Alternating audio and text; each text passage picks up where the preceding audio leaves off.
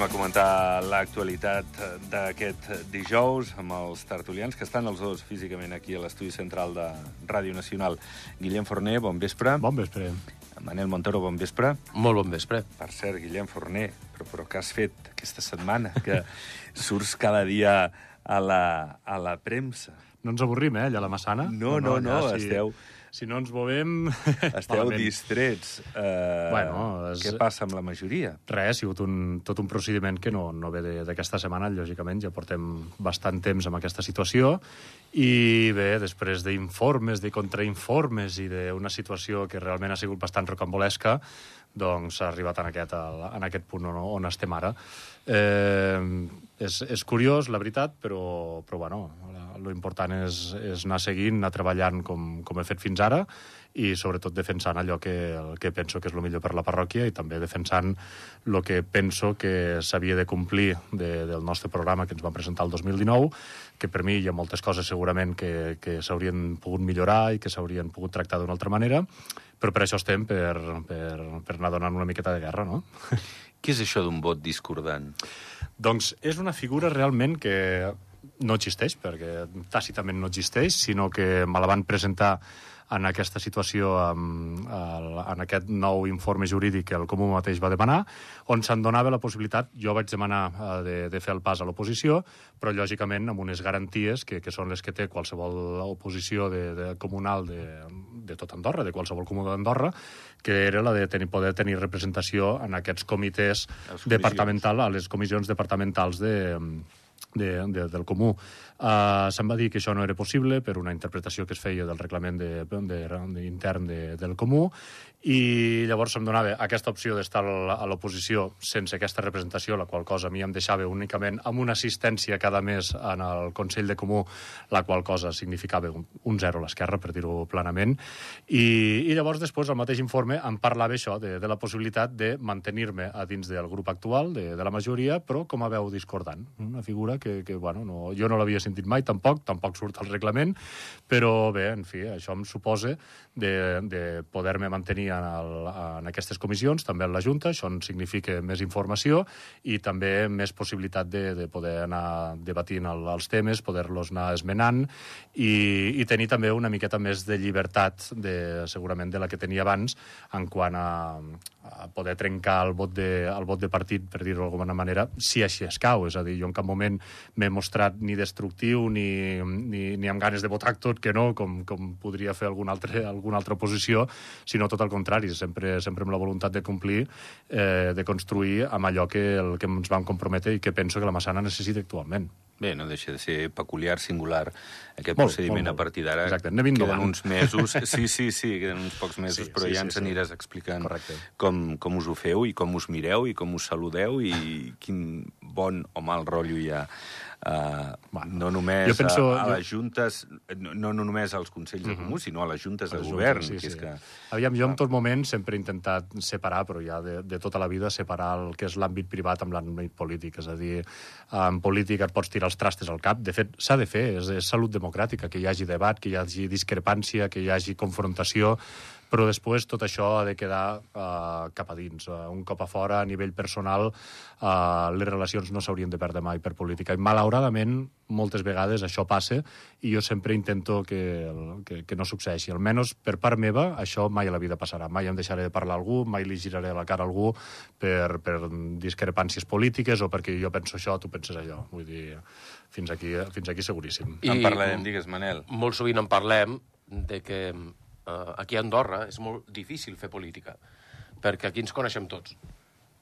I qui no som amics, eh, som amics de l'amic, o del cosí, o del germà. I llavors, quan tu t'enfrontes en política amb un sector o, o amb determinades persones, eh, potser amb aquelles persones ets un molt bon amic, però, en canvi, en política discrepes, no? I doncs, jo sempre he trobat que les persones que prenen aquest tipus de, de, de decisions, perquè el Guillem eh, ahir el van matxacar bastant, els, els haters, que jo dic, que m'encanten, els adoro, eh, perquè també em dedico a, a, a, a no a ser xarxes, hater, eh, però no. a, a xarxes, eh, que aprofitaven això eh, per, eh, per, per matxacar-lo, eh, al final el que veus és, vale, som un país petit, que tots ens coneixem i que, evidentment, eh, si fem política, sempre mm, tindrem un punt d'acord o un punt de conflicte.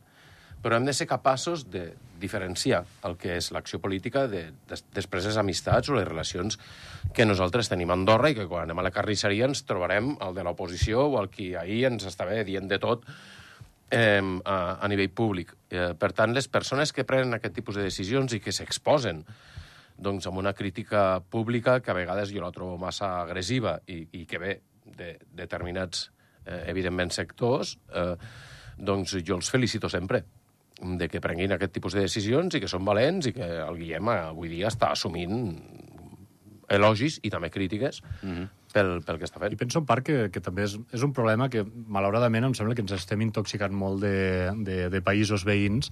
De, ja, ja podem veure com, com està evolucionant la, la política, sobretot per posar un exemple més clar amb Espanya mateix, que, que cada cop és més política de Telecinco, que li dic jo, de, de veure qui la diu més grossa, veure qui, qui l'insulte més, qui no sé què. I em sembla que això a poc a poc també ens està portant cap aquí, quan Andorra, des de tota la vida, hi ha hagut una, una, una noblesa política, per dir-ho d'alguna manera, precisament precisament basada en això, de, de tota la confrontació que hi hagi s'ha de quedar en l'àmbit polític. Després, al, a, nivell, a nivell personal, a nivell familiar, s'hauria de quedar sempre fora. I, I això és, és una llàstima perquè em sembla que ens estem influenciant massa de... de, de I a més que no afavoreix, per exemple, que gent nova entri en política. No, clar, perquè quedes molt exposat i... Que, pues, veuen el que passa. Exacte, i no, no. Jo, jo m'hi posaré perquè després em matxaquin durant un any. No, sí. no m'hi poso. Llavors, al final, evidentment, eh, la gent que fa política s'ha de renovar i hem de tindre persones que tinguin ganes de fer política, però perquè tenen ganes de fer política. Mm. Eh, i jo crec que fem un mal favor als equips de comunicació dels altres partits polítics, i avui tenia ganes de dir-ho, eh, perquè jo em dedico a la comunicació, eh, que tinguin una part d'aquests eh, equips de comunicació que es dediquin a destruir qualsevol cosa eh, que tingui referència amb algo que no és del seu partit, o... perquè llavors el que estem fent, i després tots els partits polítics tenen problemes per trobar llistes, per fer llistes, per trobar gent que vulgui anar a fer política, i és precisament aquesta exposició que jo crec que és inhumana i que els propis mitjans de comunicació haurien de controlar més, aquests anònims que poden escriure el que volen eh, i deixar-te verd, i que, evidentment, aquí a Andorra, que ens coneixem tots, poden tocar temes personals teus, mm, precisament mm. perquè et coneixen, però que s'amaguen dins un anonimat. El que hem de fer és jo crec que és promoure uh, l'acte o l'acte polític i que la gent s'animi, perquè hi ha gent molt vàlida a Andorra que et dirà sempre que no vol fer política, quan avui dia i amb el, el context que tenim els necessitem. Uh, un apunt només per acabar. Sembla que Olga Molner no vol fer sang de tot això, que, que s'ha de capejar el temporal i, i tirar endavant com es pugui pel bé de la parròquia, que al final és l'últim objectiu. I una segona qüestió, i el que ve ara de, del que tu dius, Manel, i té relació amb el que vam saber ahir del Greco, que segueix demanant a Andorra que hi hagi més transparència dels consellers generals, dels polítics en general, per donar les dades dels seus béns patrimonials. Mm -hmm. La majoria diu que ja ho han fet eh, via notari, que si hi hagués qualsevol escàndol de corrupció, coses d'aquest caire, eh, l'àmbit judicial ja podria tirar d'això, però que no ha d'anar més enllà i que no té per què conèixer això. És cert que en un acte de transparència Concòrdia, quatre dels seus cinc consellers sí que han donat aquestes dades de béns patrimonials. Parlant d'això que deies tu, Manel, eh, creieu que això, si se sabessin les dades dels béns patrimonials dels polítics d'aquest país, eh, creieu que, que la política, si no interessa molt ja, interessaria menys? És curiós, perquè, i seguint el que deia el Manel, eh, aquí a Andorra, al conèixer-nos tots tant, eh, és veritat que hi ha, hi ha gent que segurament tindrà més reticències a, a mostrar-ho. Jo, per, per, per, la veritat, no tinc cap problema amb dir el, amb dir el patrimoni. Nosaltres, com al, al Comú de la Massana, per exemple, com qualsevol comú, vam fer aquesta declaració quan, quan va sortir la, la nova legislació davant de notari, teòricament és han tancat, jo personalment no tindria cap problema que, que aquesta declaració fos pública, bàsicament perquè estic ple d'hipoteques i de deutes i tot, o sigui que tampoc és una mica depriment. Si faig jo la meva... Exacte, per això no, no, em suposa, no em suposa cap inconvenient, però entenc perfectament que, el, que és veritat que, que per gent pot ser més influent o, o d'altres famílies més poderoses els hi pugui suposar també que... Mm, un, un cert malestar d'haver de, de publicar tot el que té. Mm, d'altra banda, el motiu principal d'aquesta de, declaració pública de béns és per comprovar que el polític, des de, des de que comença la, la seva etapa política fins que l'acaba, eh, no hi hagi allà un enriquiment injustificat. Clar, això jo personalment penso que si és davant de notari i si després hi ha qualsevol dubte que, que pot haver-hi o qualsevol acusació, eh, ja està previst que Batllia mateix pugui demanar al notari el, aquesta informació per poder tractar el, el, aquesta possible causa a partir d'aquí eh, jo elogio el, els, el, el, els polítics de Concòrdia que en aquest cas han fet a, aquesta declaració, perquè realment diu molt d'ells, de, de gent que realment no, no, no tenen res amagat, o sigui, amb això m'hi sento molt, molt identificat, però bé, penso que per solventar el tema de, o de blanqueig o d'enriquiment injustificat, eh, la figura aquesta que tenim actualment davant de notari és suficient. Manel, tu hi penses igual? O, o també... Bueno, jo soc clar... una mica més radical, però en aquest sentit, però entenc el que explica molt bé el, el, el Guillem, jo també amb els anys pues, he entès més coses, no? Jo sempre he defensat aquesta, aquesta, aquesta transparència precisament per lo que diu el Guillem, de que un polític no entri en un determinat patrimoni i, i se li tripliqui, quadripliqui en quatre anys, no? Llavors que vegis que aquí què que, que està passant, no? Però això s'hauria de fer mm. cada any, llavors. No, això de fet el que està previst és que el, un cop Perdone, entres, Manel. El, el que et diuen és que qualsevol modificació del teu patrimoni que sigui significativa, jo que sé, si compres una casa, si vens una casa, si perceps una herència, qualsevol cosa, això has d'anar al notari constar. i fer-ho constar. D'acord. Llavors, d'aquesta manera sí que queda aquesta constància. Però aquí tu també eh, ah, bueno, aquest terreny no, no l'he declarat... Bueno, al final feta la llei, feta la trampa, perquè al final Clar, ho poses però... al compte del teu cosí i et quedes tan ample, saps? Bueno, eh, digues, Manel, perdó. Però jo crec que eh, tot el que... Eh, clar, podríem ser una mica profuns amb tot això, no? És a dir, jo crec molt en la política, la noblesa de la política, no? I sempre em refereixo a l'origen d'aquesta paraula, que ve de Grècia, que és l'administració de la polis eh, de la ciutat i els seus, eh, i els seus ciutadans, no? Eh, per tant, l'objectiu d'enriquir-se a través de la política doncs, és quelcom que jo crec que i també és naturalesa humana, el poder comporta corrupció i, per tant, si no tenim els mecanismes de control suficients, eh, això ens passarà en política o ens passarà en una empresa privada. És, és el mateix, no? És a dir, al final, eh, feta la llei, feta la trampa, i, no? i el, el qui és lladre és dona-li l'oportunitat.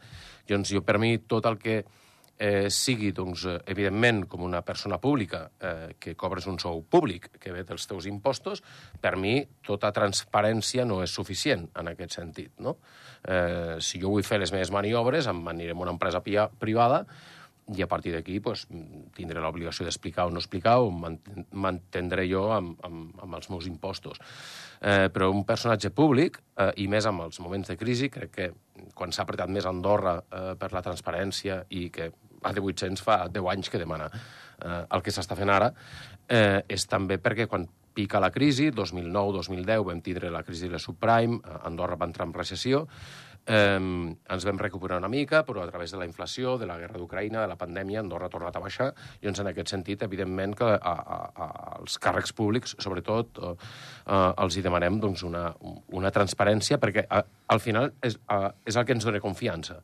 Correcte. No, no, l'important és això, és transmetre precisament aquesta confiança. Jo, jo per això ja et dic, eh, a nivell personal... Jo no vull fiscalitzar el Guillem, eh? No, no, a mi m'és igual. Jo, jo, contra, el, jo ja et dic, eh, estic completament d'acord. Jo personalment no tinc cap tipus de problema per, per declarar béns, sigui públic o sigui davant de notari, però també és veritat que, que es pot arribar a entendre de que es pot arribar a fer salseo també d'aquests temes si és 100% públic i depèn del personatge que sigui.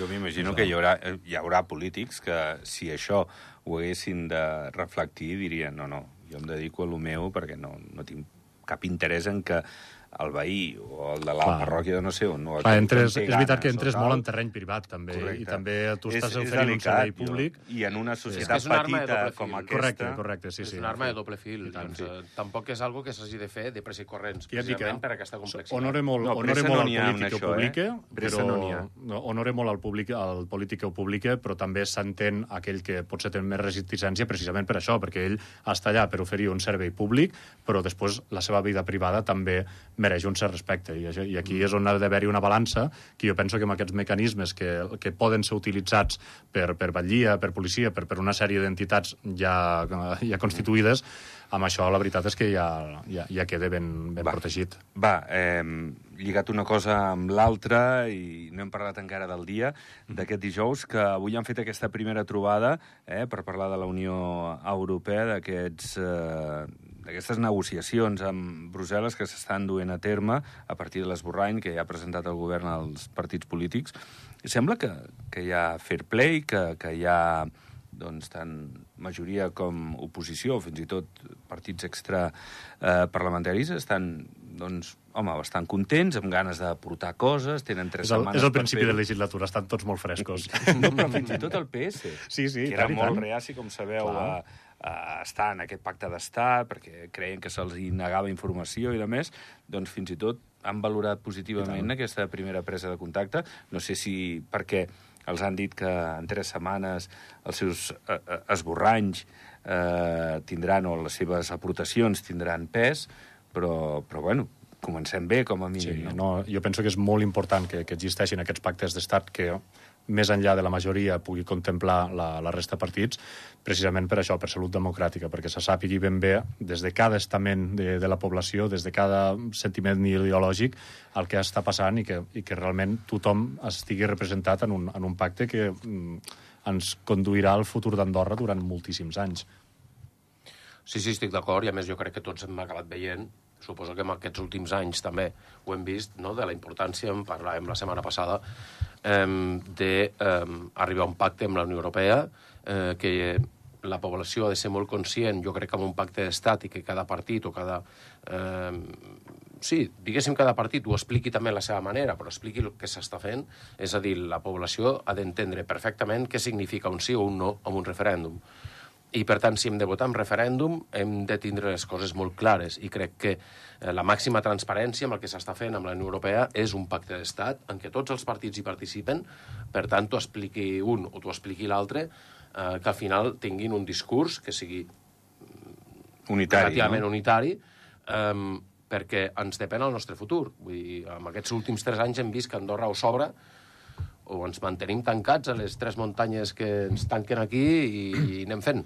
que aquí el referèndum posarà cada cosa al seu lloc, eh, hi haurà molta més informació pel ciutadà de peu i quan vagi a votar ja sabrà en conseqüència el què, però els economistes diuen que, aviam, a Andorra se li obren opcions empresarials amb, amb aquest acord si s'arriba amb Brussel·les i que en el cas que sortís que no, els economistes defugen de posicions catastrofistes reconeixen que seria un sotrac considerable. Jo no sé, jo no sé com s'aixecaria Andorra d'això davant Brussel·les. Espero que no ens hi trobem, la veritat, perquè és, és, és cert, jo sóc partidari, de, som, és necessari avui en dia el, un, un acord com el que se'ns està presentant i precisament per això, i, i fins i tot jo diria que el, el més interessat de- d'aquest pacte d'estat i, i d'aquesta transparència en la informació és el mateix govern, perquè en el moment que es pugui percebre per part de l'associació, ai, de la, de la societat o de qualsevol partit polític de que hi han coses que no s'estan explicant, coses que s'amaguen, que es maquillen,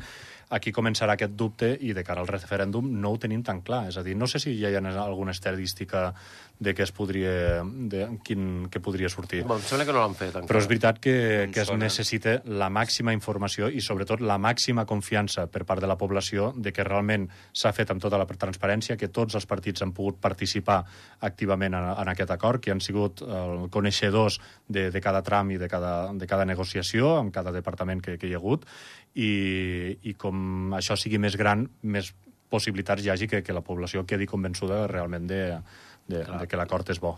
I són aquestes pors que tenim, no? que en parlàvem també la setmana passada, de si entrem a l'espai Schengen o no, l'espai de lliure circulació de mercaderies, és a dir, la gent té por obrir les fronteres, evidentment, perquè Andorra no és un país, és un microestat, no és un macroestat, eh, per tant, eh, tindre un flux de lliure circulació de persones dins Europa per Andorra és més complex que per un altre país.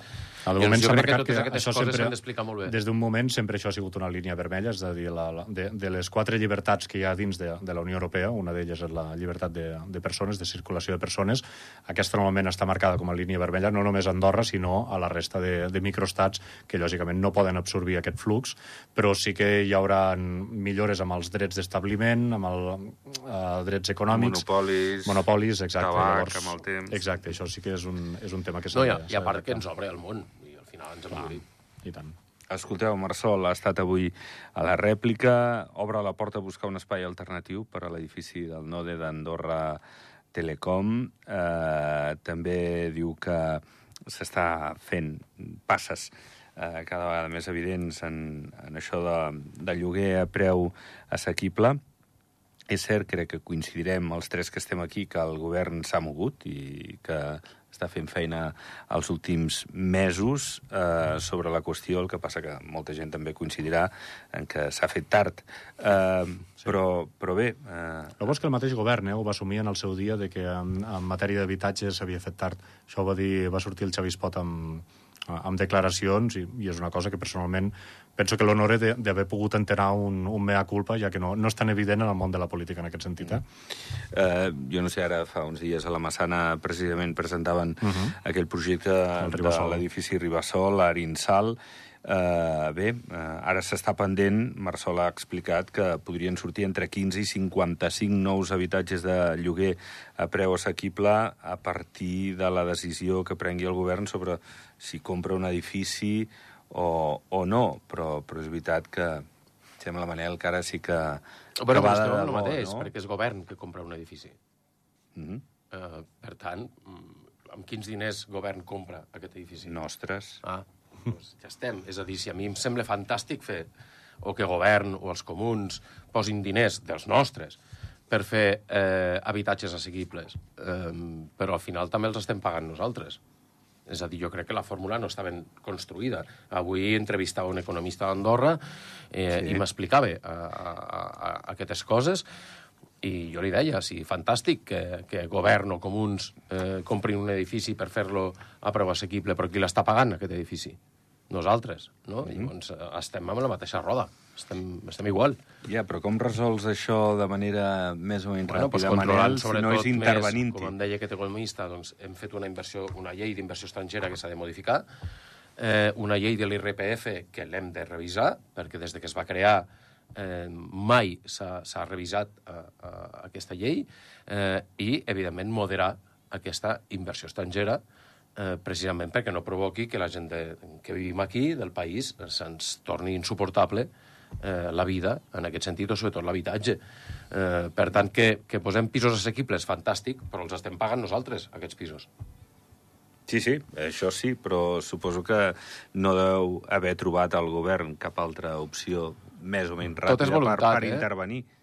És, és molt complicat, la veritat és molt complicat i, i realment és veritat que la, la no intervenció seria l'ideal, com, com passa sempre, però arribat a, a, a certs moments de crisi com el que estem sofrint a, a nivell d'habitatge, penso que la, la, la, aquesta compra de, de, de lloguers, que, que el govern pugui ampliar aquesta bossa d'immobiliària pública que, que, que pugui pertànyer al govern, malauradament és necessària i s'ha intentat fórmules a través de participació fins i tot pública o privada, però és mm. veritat que a la que arriba la participació privada o pública o privada, aquest privat et demanarà una rentabilitat sobre, sobre allò que inverteix i avui en dia és impossible, completament impossible que en habitatges de, de preu assequible obtinguis una rentabilitat. Això és, és trist, però malauradament és així i si tu tens un immoble amb cinc plantes de, de, de, de, de lloguer, no els dividiràs en petitets a 300 euros, sinó que faràs eh, cinc plantes de luxe i, i els vendràs o els llogaràs. Llavors,